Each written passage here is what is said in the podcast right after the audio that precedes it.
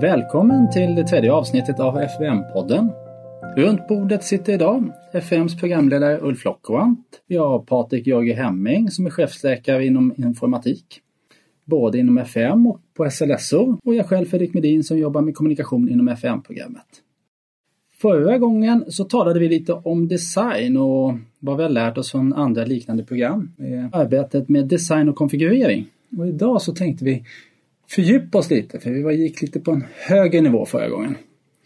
Eh, och en av de sakerna slutade med det var att Patrik gav en liknelse mellan eh, ett kök och vad det egentligen, hur det påminner om hur man designar ett kök. Men nu skulle vi vilja veta lite mer konkret kanske kring hur designar man ett journalsystem? Ja, jag tänkte också det att vi skulle behöva ta lite konkreta och praktiska exempel istället för att tala i liknelser den här gången. Eh, och en del av design handlar om helt enkelt hur vi vill att det här journalsystemet ska fungera för våra medarbetare. Det kan vara till exempel hur vill vi att en sjuksköterska ska göra när hon ska triagera en patient på akuten? Hur ska det se ut på skärmen då?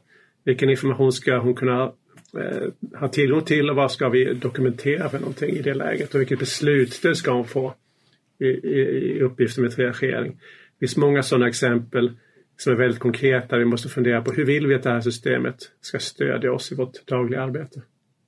Mm. Vi har ju inte valt leverantör ännu. Men som jag har förstått det så är ändå arbetet med eh, design startat, eller hur? Ja men absolut. Alltså, eh, många detaljfrågor måste ju vänta tills vi vet eh, vilken leverantör vi kommer att få arbeta med. Men det finns också många frågor där vi redan idag har en hemläxa som vi kan börja göra för att vara mer förberedda till dess att leverantören kommer. Det har saker att göra med att till exempel eh, det kan vara saker som vi redan nu vet att eh, vi jobbar väldigt olika i Stockholm. Man kanske jobbar på ett sätt på Södersjukhuset, ett annat på Danderyds sjukhus och ett tredje på Karolinska sjukhuset. Och då måste vi på något vis komma överens om, eh, skulle vi kunna ensa oss och komma överens om att jobba på ett och samma sätt eller måste vi kunna jobba olika? Mm. Det är en typ av fråga vi kan börja fundera på redan nu. En annan typ av fråga vi kan fundera på redan nu det är eh, hur ska vi göra det när det finns ett beroende till det, det journalsystem FM ska sätta på plats och alla andra system som finns utanför det här journalsystemet. Vi kan ju ha ju alla våra labbsystem till exempel som måste kopplas ihop med journalsystemet och då måste vi fundera på hur ska det där gå till och hur ska det fungera? Eh, och det är någonting vi kan fundera på nu också. Det behöver vi inte vänta på att vår FM-leverantör kommer på plats. Men får jag fråga dig Patrik, du, du, säger att vi ska fundera på det. Uh, och här sitter vi på kontoret på Gävlegatan kanske 30-40 stycken och det är 40 000 medarbetare och det är flera sjukhus i hela primärvården. Hur kan vi här på, på eh, FEM, den lilla grupp, hur kan vi veta vad, vad man vill uh, och hur kan vi veta om det är olika på de olika sjukhusen, vilket som är bäst? Ja, det första är ju att vi under kravarbetet här redan har varit ute och försökt förstå vad våra verksamheter behöver ganska brett. Så vi har ju en del kunskap med oss sedan kravställningen till kravarbetet. Mm. Så det är en bakgrund till det här. Ehm, det andra är att vi självklart måste involvera andra verksamhetsmänniskor. Vi kan inte sitta bara på kontoret. Vi måste ut och intervjua och prata med andra människor som finns ute i vården idag. Och det har vi mm. redan börjat med lite, lite försiktigt. Eh, och sen så tar vi med oss våra FM-sponsorer att, att hjälpa oss att fundera på hur ska vi fånga upp alla dessa behov eh, vi har ute vid stora regioner bland alla våra medarbetare. Men det är, en, det är en jätteutmaning för oss just att kunna uttrycka våra behov på ett enhetligt sätt och få in så mycket information och så mycket önskemål som möjligt och kunna värdera dem. Så det är ju mm. någonting vi jobbar på ständigt och som vi får utveckla det närmaste året, åren. Eh, det är ju väldigt bra tycker jag att vi kommer igång med det här arbetet redan nu i ganska god tid innan leverantören är på plats. För att det innebär att vi har chansen att lära oss att hitta, hitta de här arbetssätten som behöver vara på plats när leverantören kommer. Um, och där är vi i ett ganska bra läge ändå för vi har ju ganska så lång tid på oss ändå ja. att se till att vi är väl förberedda. Och programmet är som jag brukar säga tjänstemän är tjänstemän. Vi bestämmer inte men vi försöker samordna de olika mm. perspektiven. Produkt från leverantören, ja. sjukhus, primärvård, doktorer, sköterskor, politik. Ja men verkligen. Det är mycket mer att vi, vi samlar ihop och försöker förstå eh, vad det totala behovet är. För att, det, för att på något vis är det ju så att det kommer att behöva bli jämkningar mellan olika intressen och olika behov. Men, vi, målet är att få en lösning som på helheten är det bästa vi kan få. Och, och vilka eh, personer involverar i det här arbetet då lite mer specifikt? Det... Ja, just nu har vi börjat i väldigt blygsam skala och det, vi har satt igång ett arbete i ett antal områden ehm, eh, som vi tror är, har lite särskilt stora utmaningar. Eh, och då har vi några människor som jobbar här på Gävlegatan.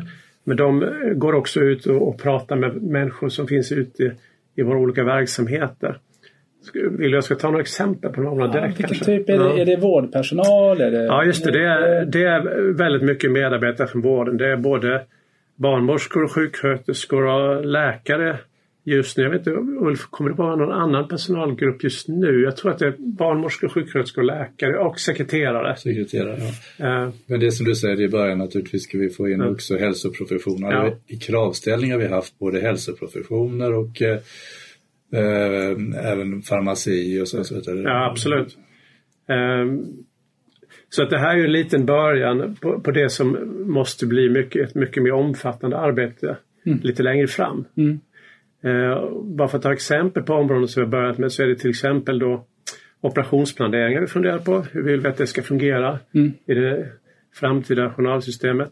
Och där har vi olika på de olika sjukhusen ja. och där har ju vår grupp rest runt till de, alla sjukhusen för att kartlägga hur det fungerar och, vad man Ja absolut och det, det, har varit väldigt spännande för att se eh, hur människor resonerar runt det här ute ut i våra verksamheter. Och det är också väldigt spännande att se att utmaningarna ser olika ut för, beroende på vilken roll och vilken uppgift du har ute i vår verksamhet. Det är väldigt stor skillnad på om du är operationsplanerare eller om du är operatör eller om du är operationssjuksköterska. Mm. Dina utmaningar ser inte likadana ut och du har inte exakt samma behov. Mm.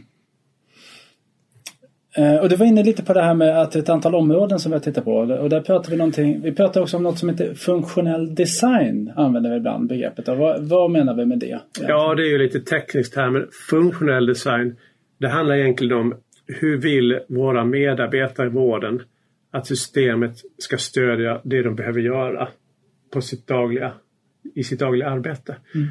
Eh, vi har funktionella krav också, ja. funktionell design och funktionell låter som ett lätt ord men kan man översätta det med klinisk design? Eller kanske inte ja, riktigt? Det, ja. Kanske, ja, det är inte så tokigt men man kan fundera på egentligen Man kan också ta väldigt konkreta exempel. Vad är det då man designar inom funktionell design? Mm. Ja, till exempel så handlar det om eh, fundera på hur, hur ser vårt arbetssätt ut egentligen? När vi, eh, vad ska vi ta som exempel, man ska ordinera ett läkemedel Eh, och sen ska sjuksköterskan iordningställa och administrera läkemedlet. Vilka steg är det då eh, som det här systemet måste kunna stödja? Då måste man förstå, men hur jobbar vi egentligen tillsammans? Eh, om vi inte vet hur vi jobbar tillsammans så går det inte att förklara hur det här, för en leverantör hur det här systemet måste stödja det arbetssättet. Och det, är allt ifrån ordinerat läkemedel till att dokumentera ett mottagningsbesök, eh, till att eh, sekreteraren gör en vårdkontaktregistrering. Mm. Vi gör massor av saker i sjukvården och vi måste försöka förstå då ju, ju, bättre, ju mer desto bättre vi förstår det.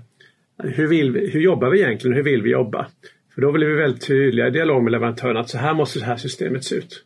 Annars så stöder det inte våra arbetssätt. Mm. Och vad du säger är att det finns en massa arbetssätt som är inte nedskrivna eller som vi säger tyst kunskap och vi måste definiera ja. dem inför, vi kan inte bara säga att vi ska göra som vi brukar göra. Utan vi måste Nej men verkligen inte. Beskriva hur vi brukar göra. Ja, verkligen inte. Jag tror vi alla som har jobbat länge i sjukvården vet att det är väldigt mycket muntliga traditioner. Man börjar på ett jobb och så börjar det med att man får gå bredvid och titta och lära sig. Och så överförs kunskapen från från en individ till nästa. Men det är inte, så ofta, det är inte alls så säkert att det skrivs ner på ett papper däremellan. Mm. Utan det, det, är någonting vi lär oss på jobbet. Och vi kan inte förvänta oss att leverantören leverantören har ingen magisk förmåga att gissa det där utan vi måste kunna beskriva det. Och ett exempel på något av de områdena vi börjar med nu då? Ja, dels var det operationsplanering då mm. men sen har vi också beställningar och svar som handlar om Eh, bland, bland annat provbunden diagnostik när vi ska beställa en labbanalys. Eh, vilken typ av hjälp behöver vi från systemet då? Mm. Och, och där finns det också en mer teknisk aspekt på den, den frågan, nämligen hur ska vi liksom koppla ihop journalsystemet med labbsystemen mm. eh, på ett bra sätt. Så det är det ett. Och sen har vi ju remisser och svar som handlar om, från verksamhetens perspektiv handlar om hur ska jag som skickar remiss eh, veta vart jag ska skicka den här remissen? Vem gör vad egentligen i vår stora region Stockholm? Då måste man ha hjälp med det när man sitter och ska skicka sin remiss. Och när du beskriver det här så låter det inte som det mest supersexiga. Inte som de här stora förändringarna med AI eller kunskaps och beslutsstöd. Men om vi inte kan skicka en remiss med vårt framtida system och då sitter vi där med skägget i brevlådan. Ja, så, så det är jätteviktiga saker. Jag tror faktiskt att något av det viktigaste för att vi ska lyckas med det här det är att få de här vardagliga sakerna som vi gör hela tiden, de måste fungera. För, mm. för annars så, så kommer vår verksamhet gå helt i stå. Så att det absolut viktigaste, det här vi gör varenda dag utan att knappt tänka på det, det måste fungera helt friktionsfritt. Mm. Annars kommer det bli väldigt jobbigt. Ja, och då måste vi först börja tänka på det för att beskriva det. Ja. Så måste vi beskriva det för leverantören ja. och sen måste vi jämka på något sätt. Vad kan leverantören uppfylla våra förväntningar och och vad måste vi liksom anpassa oss till för leverantörens produkt? Så det är en komplex, eh, komplex eh, process. Ja, jag brukar prata om att det är tre olika delar där man måste, som måste sitta ihop. Det dels är det vad leverantörens lösning kan eh, och sen har vi vad verksamheten behöver och så har vi alla de här IT-stöden vi redan har i vår miljö som kommer finnas kvar. Alla de här sakerna har ju begränsningar och möjligheter. Mm. Så frågan blir hela tiden om vi ska mötas, är det verksamheten som ska anpassa sig till leverantören eller leverantören som ska anpassa sig till verksamheten? Ska våra befintliga IT-stöd utvecklas för att anpassa sig till leverantörens lösning? Så det blir många sådana komplexa frågor. Vem flyttar på sig när det är ett gap mellan vad vi vill, vad leverantören kan och våra befintliga IT-stöd kan? Mm. Och eh, som du var inne på så det, vi, läkare och sjuksköterskor involveras i arbetet och så vidare. Vad, I det här, de här eh, teamen så att säga, vad, vad ska de göra då? Ja, våra verksamhetsmänniskor de ska helt enkelt bara beskriva eh, vilka behov de har när de ska utföra olika arbetsuppgifter. Eh, och det är klart så att vissa arbetsuppgifter är ju inte viktiga för det här sammanhanget. Till exempel rutinen för handhygien eh, har ju ingen betydelse för det här journalsystemet. Men nu pratar vi om allt detta vi gör där vi ser framför oss att vi behöver, lite, behöver stöd från journalsystemet. Då måste vi beskriva eh, Okej, okay, men vad har vi för behov då? Mm. Och på vilket sätt kan journalsystemet hjälpa oss att utföra de här uppgifterna mm. bättre? Och, och hur väljs de ut? Ja, eh, vi har ju ett gäng i eh, programmet som har jobbat där ganska länge som kommer från så gott som alla vårdgivarna i, i eh, regionen. Också faktiskt har vi representant, för man får inte glömma, det gör vi ofta, att vi är faktiskt två regioner som gör en upphandling, även Region Gotland, så där har vi också folk från Norrtälje, Södertälje också. Eh, och sen har ju de utifrån sina kontaktnät också eh, närmat sig människor ute i verksamheten. Sen är det ju så att varje vårdgivare och HSF har ju sin eh, FM-sponsorn som vi brukar prata om. Det är ju den personen som är huvudansvarig på en på Karolinska, en på SLS och så vidare. Och de har ju också ett uppdrag att hitta personer i sin verksamhet. Än så länge som Patrik säger, vi testar oss fram, det tar ett tag innan leverantören kommer, så nu är vi inte så många. Men sen när leverantören är här, då måste vi upp kanske till 200. Så då får vi se lite hur, jag tror det kommer gå mycket genom FM-sponsorerna. Mm. Vi har också de som har varit med på vår utvärdering. De kan kraven och sånt också. också. Det är väl 160 tror jag utifrån verksamheten. Och sen vet jag Fredrik, du har ju eh, långt gångna planer också på hur vi ska gå ut med APT-material, med eh, roadshow till sjukhus och så. Då kan vi säkert också fånga upp en hel del människor. Mm. Uh, ja, nu då, eh, ska snart runda av, så, men vad, vad, känner ni nu då eh, inför nu när arbetet börjar dra igång på riktigt? Ja, det är nu det riktigt spännande arbetet börjar. För nu börjar det bli konkret och på riktigt så att det är en spännande tid framåt. Och jag känner att vi har inte gjort något sånt här förut så det är lite stapplande och vi försöker oss fram lite just nu. Och det var ju tråkigt att vi fick en uppskjuten upphandling men i det här läget kanske det är lite bra för vi får lite mer tid på oss att hitta rätt arbetsform, hitta rätt personer som du frågar efter. Så jag tycker också det är väldigt spännande men vi är inte riktigt framme än. Vi... vi är inte riktigt framme än men vi har fortfarande tid på oss så jag är ja. ändå väldigt förhoppningsfull. Härligt. Har ni något mer ni vill avsluta med? Annars? Nej, vi ser fram emot nästa podd. Nästa podd. Då tackar vi för den här gången ja, och eh, på återhörande. Ja, tack. tack.